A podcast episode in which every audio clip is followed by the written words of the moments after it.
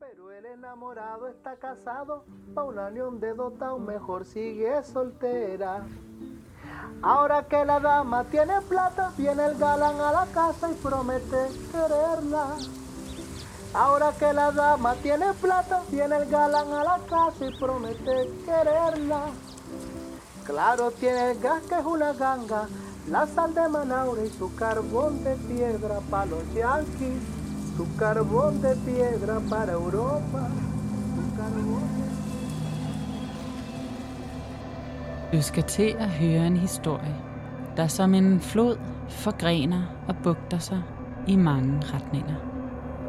Det er vel en form for krimi, hvor offrene lider en langsom og pinefuld død.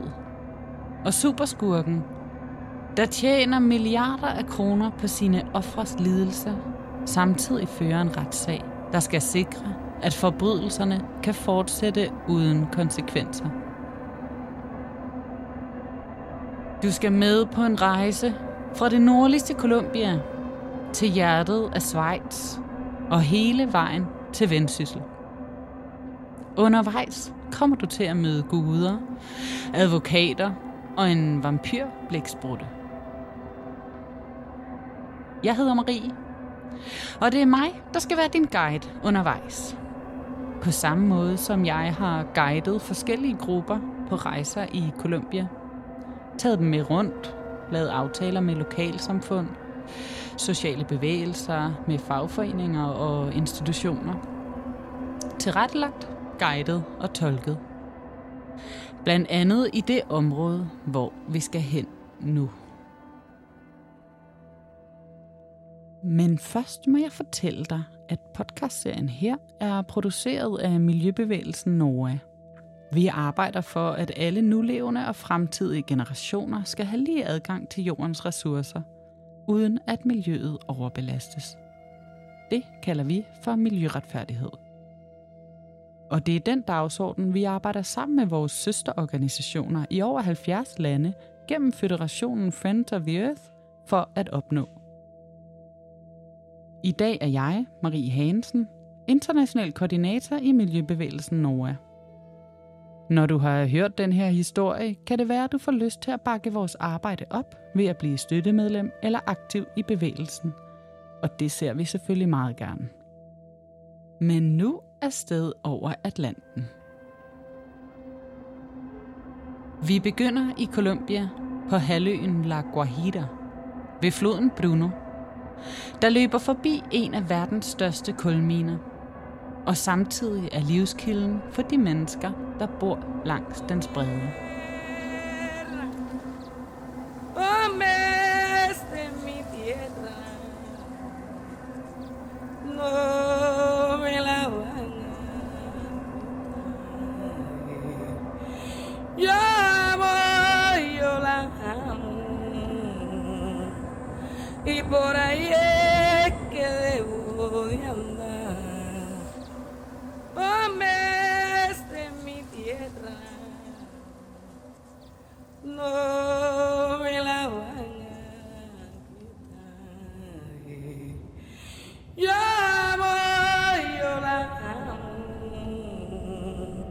La Guajira-halvøen er kendt for dens smukke bjergkæder med sneklædte tinder i syd.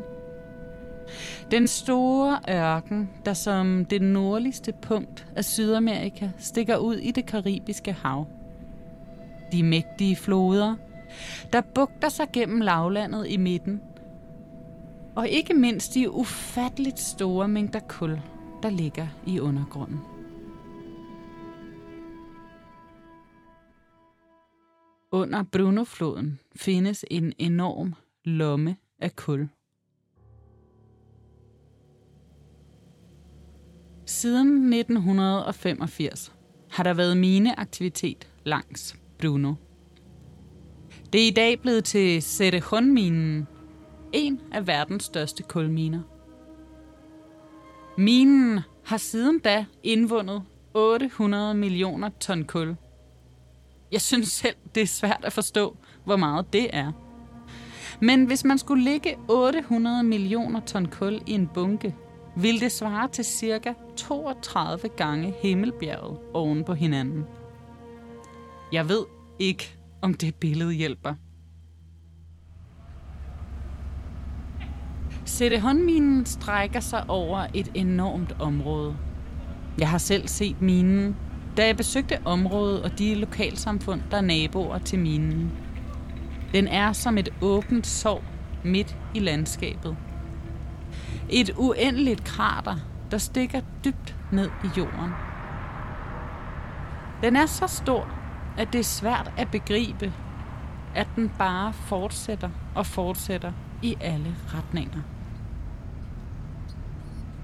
Nede i krateret kan man se profilerne af jord og klippelag. Vejene, der slanger sig længere og længere nedad. Og de gigantiske maskiner, der bevæger sig rytmisk og udstøder mekaniske lyde. Uden varsel oplever minens naboer de enorme eksplosioner, der skaber rystelser i undergrunden. Og det sorte kulstøv, der vivler op og lægger sig på alt og alle. Det er som en anden planet. Samtidig lever der langs Brunofloden en gruppe af oprindelige folk. Det er Wayuu-folket. Det er en af de sidste floder i området, for minedriften har slugt de andre. Floden er afgørende for det folks overlevelse, men kulindvindingen optager og forurener vandet. Derfor kæmper de med alt, hvad de har, for deres ret til deres land og kultur, og ikke mindst for vandet.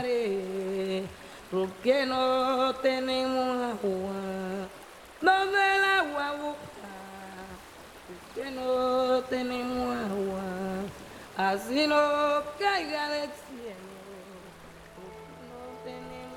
I La Guajiras tørre landskab spiller vandet en helt særlig rolle. Ifølge Wayuu-folkets skabelsesmyte er de børn af Mar ved jorden og Yuja ved regnen. Disse to guddomme anses for at være en del af den første generation. Myten fortæller, at da vandet ramte den tørre jord, blev jorden befrugtet og så begyndte livet at spire. Først voksede planterne op, så kom dyrene, og til sidst menneskene. Sådan går fortællingen blandt Wayuu-folket, der lever spredt ud over hele La Guajira-provinsen. Her har de været i 2000 år, hvor de har levet sammen med deres husdyr, især geder. Wayuerne er en af de oprindelige befolkningsgrupper i Abya det vi kender som Latinamerika, der har modstået det spanske kolonistyre og alle de postkoloniale mestizostyre og bevaret deres levevis og kultur. Vand spiller en helt særlig rolle for Wayuu-folket. Og som du snart vil lære, har det store konsekvenser for dem, når floderne i La Guajira tør ud. For selv om Wayuu-folket overlevede det spanske kolonistyre, er hverken deres fortid eller nutid fri fra vold fra udenlandske kræfter. Lige nu udspiller der sig for Wayuu-folket et mareridt langs Brunofloden. Serehon-minen blev som sagt anlagt i 1985. Før minen var området dækket af skovklædte bakker og sletter, som Wayuu-folket lå deres geder græsse på – de grønne områder var centreret om de mange floder, der løb igennem dalene. Men kulindvindingen kræver enorme mængder vand, både til at vaske kullet og ikke mindst til at få kulstødet til at lægge sig. Indtil nu har Sætte Hundminen fået omdirigeret 44 floder. Af dem er de fleste tørret ud – Senest kom turen til Brunofloden, der i 2016 fik omdirigeret 3,6 km af den strækning til 700 meter nord for dens oprindelige løb. Det er minens nuværende ejer, der har stået for det. Minen har skiftet ejer flere gange, men i 1995 købte den gigantiske minevirksomhed Glencore sig ind.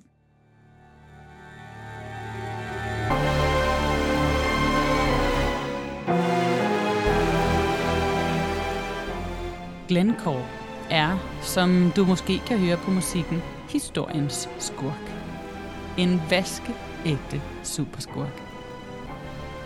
Glencore, der kommer fra Schweiz, er en af verdens største virksomheder. De sælger alt fra hvede til metaller, olie og selvfølgelig kul, som de er verdens største forhandler af. De sidder altså på kulmarkedet, men fordi de også sælger metaller, tjener de også fedt på den grønne omstilling, hvor til der er brug for kover og kobolt, lithium og tin, for at vi kan få batterier, solceller osv. De fleste af de produkter, du bruger i din hverdag, har formentlig været i kontakt med Glencore på et tidspunkt. Virksomheden er blevet kaldt en vampyrblæksprutte, der har sine tentakler snået rundt om hele menneskeheden. Lyder det uhyggeligt? Det er det også.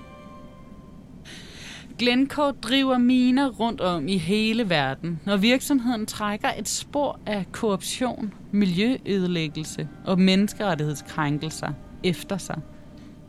Og det er ingen undtagelse i La Guajira, hvor 100.000 vis af mennesker lider under virksomhedens aktiviteter. Bare for at nævne lidt af det, der sker. Koldindvindingen forurener luften, jorden og vandet, og det bidrager selvfølgelig også til den globale klimakrise. Omdirigeringen af floderne har skabt regional tørke, og de lokale kan ikke længere dyrke deres afgrøder. Det har skabt fødevareusikkerhed i hele regionen. Som konsekvens heraf er særligt børn udsat for sult og fejlernæring. Udgravningen, der går 300-400 meter ned i jorden, udløser giftige kemiske elementer i det omkringliggende miljø. Kulstøvet forårsager mange sygdomme hos både dyr og mennesker, der både indånder de skadelige kemikalier og drikker forurenet vand. Over 336.000 mennesker har udviklet luftvejskomplikationer, som direkte kan tilskrives kulminen. Indoptagelsen af de skadelige stoffer sker også langs den togrute, hvor kullet fragtes til havnen. Både naboer og arbejdere er blevet undersøgt, og der er blandt andet fundet svovl, krom og nikkel i deres blod. Derudover blev der hos mange fundet celleforandringer samt begyndende stadier til kræft, lunge og hjertesygdomme. Det ses også hos børnene i regionen. Der er altså tale om en miljømæssig og sundhedsmæssig krise i området rundt om Sattehåndminen. Hvad gør Glencore ved det? De har brugt vold og lokale paramilitære grupper til at fordrive folk fra deres land. De vil gøre hvad som helst for at få fat i kullet. Men de lokale, herunder Wayuu-folket, yder stadig modstand mod minen og Glencore. Senest har de gennem den kolumbianske forfatningsdomstol fået suspenderet en udvidelse af minen og godkendt en tilbageførsel af Brunofloden. En stor sejr, men de er oppe imod vampyrblæksprutten. Der er ingen midler skyr. Mere om det lidt senere.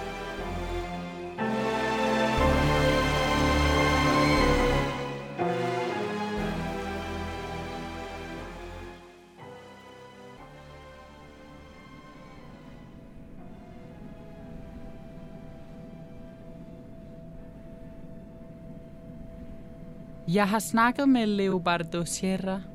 Han er Wayu og traditionel autoritet i lokalsamfundet El Rocío. Lokalsamfundet ligger ved Brunoflodens bred. Han og hans familie er forsvarere og beskyttere af floden, der er deres kilde til vand, mad og er grundlæggende for deres spiritualitet. Jeg har spurgt Leobardo ind til situationen i La Guajira – og til hvilke metoder Glencore tager i brug i området. Jeg spurgte ham ind til, hvilken betydning Brunofloden har, og til det svarede han sådan her. Floden er grundlæggende for lokalsamfundene, oprindelige folk og afro-kolumbianere. Men ikke kun for os, der bor tæt ved floden, men i hele området. Den er så vigtig, fordi det er en af de sidste bifloder til Rancheria-floden, der bidrager til at fylde den med vand. For hvis ikke, så vil den helt udtørre. Det vil ville forværre situationen drastisk. Det er så vigtigt, fuldkommen grundlæggende for alle, der bor i regionen, men især for os, der tilhører. Wayuu-folket. Jeg spurgte også ind til, hvor langt Glencore er villig til at gå for at få fat i kullet under Brunofloden. Leobardo svarede sådan her. La situación actual de, Den nuværende situation omkring Glencore Cerrejón er svær. De vil få os væk herfra for enhver pris.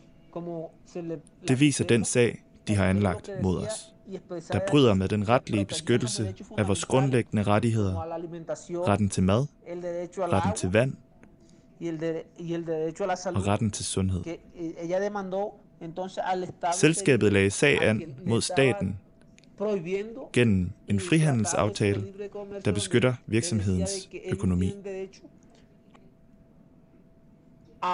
Hold nu fast, for ingen virksomhed bør jo være hævet over staterne og endnu mindre over de de grundlæggende rettigheder. over retten til liv. Så du kan høre, at det er en meget kompliceret sag. Det er sådan, landet ligger. Domsfældelsen fra den kolumbianske forfatningsdomstol handler om miljøbeskyttelse og hensyn til oprindelige folks rettigheder. Cerrejons motto er jo mineria responsable, altså ansvarlig minedrift. Så det burde de vel være helt med på. Det svarede Leobardo sådan her på. Hør nu godt efter. siendo- For ellos der siger, at de er et ansvarligt selskab. Hvis de virkelig skulle leve op til det, burde de da ikke have anlagt den sag. De siger, at de er hensynsfulde og ansvarlige over for miljøet naturen og for mennesker. Men sandheden er, at de ikke er ansvarlige. De er uansvarlige. Eh, De dræber vores ånder. De slår floderne 17 ihjel. Ja, sandheden er, at de allerede har udryddet 17 floder. De gjorde sig til herre over Wayuu-folkets territorier. Her, hvor vi dyrkede vores mad. Og de har udryddet vores ånder.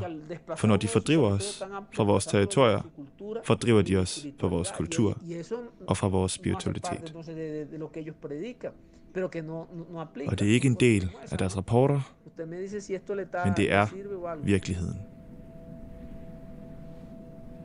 Tak til Leobardo Sierra for at tage sig tid til at medvirke her. Jeg synes, det var vigtigt at høre hans stemme som repræsentant fra det område og de folk, det handler om.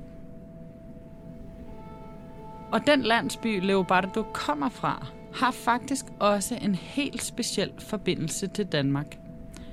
El Rocio, en stille landsby, der ligger lige ved flodens bred, som jeg også selv har besøgt for år tilbage. Hvis du ser meget DR, kan det være, at du allerede ved, hvor jeg vil hen. Danmarks indsamlingen. Det er store indsamlingsshow, der er med billeder af underernærede børn og lokkende med dyre biler, opfordrer dig og mig til at lægge penge i udviklingsprojekter. Gennem de sidste fem år har folk i Danmark nemlig støttet uddannelsesprojekter i La Guajira gennem Danmarks indsamlingen. Og med de penge har Oxfam Danmark sammen med den lokale Wayu kvindeorganisation Fuerza de Mujeres Wayu bygget en skole i netop El Rocío. Så når vores skurk Glencore vil fordrive lokalsamfundet og jævne landsbyen med jorden for at udvinde kullet i undergrunden, er det også dine og mine penge til udvikling, der bliver jævnet med jorden. Men lad os nu komme tilbage på sporet. Du hørte nok Leobardo nævne det. Det, der skete efter, at en kolumbiansk domstol havde suspenderet en udvidelse af minen og påbudt tilbageførsel af Brunofloden. Glencore reagerede på den kolumbianske forfatningsdomstols afgørelse ved at aktivere deres trumfkort. Et ISDS-erstatningssøgsmål. Okay, det er nok ikke lige en forkortelse, du har hørt før. Det er faktisk de færreste, der ved, hvad ISDS er. Kort fortalt kan man sige, at det er gigantvirksomheder som Glencores hemmelige våben. Når tingene ikke går efter deres hoved. ISDS står for Investor State Dispute Settlement. På dansk hedder det Investor Stats Tvistbilæggelse. Jeg ved ikke, om det gør dig klogere. Personligt skulle jeg lige have forklaret ISDS et par gange, før jeg forstod det. ISDS er en juridisk mekanisme, der kan skrives ind i internationale aftaler med det formål at beskytte virksomheders internationale investeringer. Så altså, når en virksomhed som Glencore, der kommer fra Schweiz, investerer i Colombia, kan de gennem ISDS sikre, at deres investeringer ikke er forgæves ved at søge erstatning. Helt klassisk tages ISDS-mekanismen i brug, hvis en stat, som Colombia, vedtager lovgivning eller har andre tiltag, der kan forhindre, at en virksomhed opnår den profit, de havde tænkt sig. Så når den kolumbianske forfatningsdomstol vedtager, at sætte håndminen skal tilbageføre Brunofloden og stoppe udvidelser af minen, kan Glencore trække ISDS-kortet og lægge sag an mod den kolumbianske stat for at forstyrre deres forretning. Og det er netop det, Glencore har gjort. I 2021 anlagde Glencore for tredje gang erstatningssag mod den kolumbianske stat. Første sag omhandlede en anden kulmine. Glencore vandt sagen, og Colombia skulle betale en bøde på 20 millioner amerikanske dollars. Et beløb, der overgik landets samlede budget til uddannelse og sundhed. ISDS-erstatningssager findes over hele verden, hvor virksomheder bruger milliardstore erstatningskrav som et middel til at afskrække stater fra at vedtage progressiv lovgivning for mennesker og miljø. Det sker også i Colombia. Her har advokatsammenslutningen Kahar bemærket, hvordan Glencores sagsanlæg griber ind i den retslige uafhængighed, samt statens forpligtelse til at beskytte grundlæggende kollektive rettigheder. Kahar udtaler, at både regeringen og domstolen er bange, når de bliver spurgt ind til sagen om Bruno. Bange. Bange for virksomhedens magt og for, at staten Colombia skal betale endnu en enorm bøde. Hvordan er det blevet til, at beskyttelsen om mennesker og naturen er blevet noget, stater er bange for?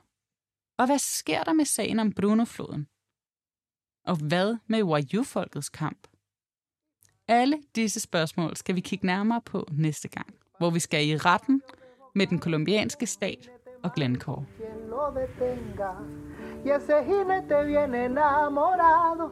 Podcasten er produceret af Miljøbevægelsen Nora, af mig, Marie Hansen, og mine kolleger Sara Strunge og Anders Poulsen.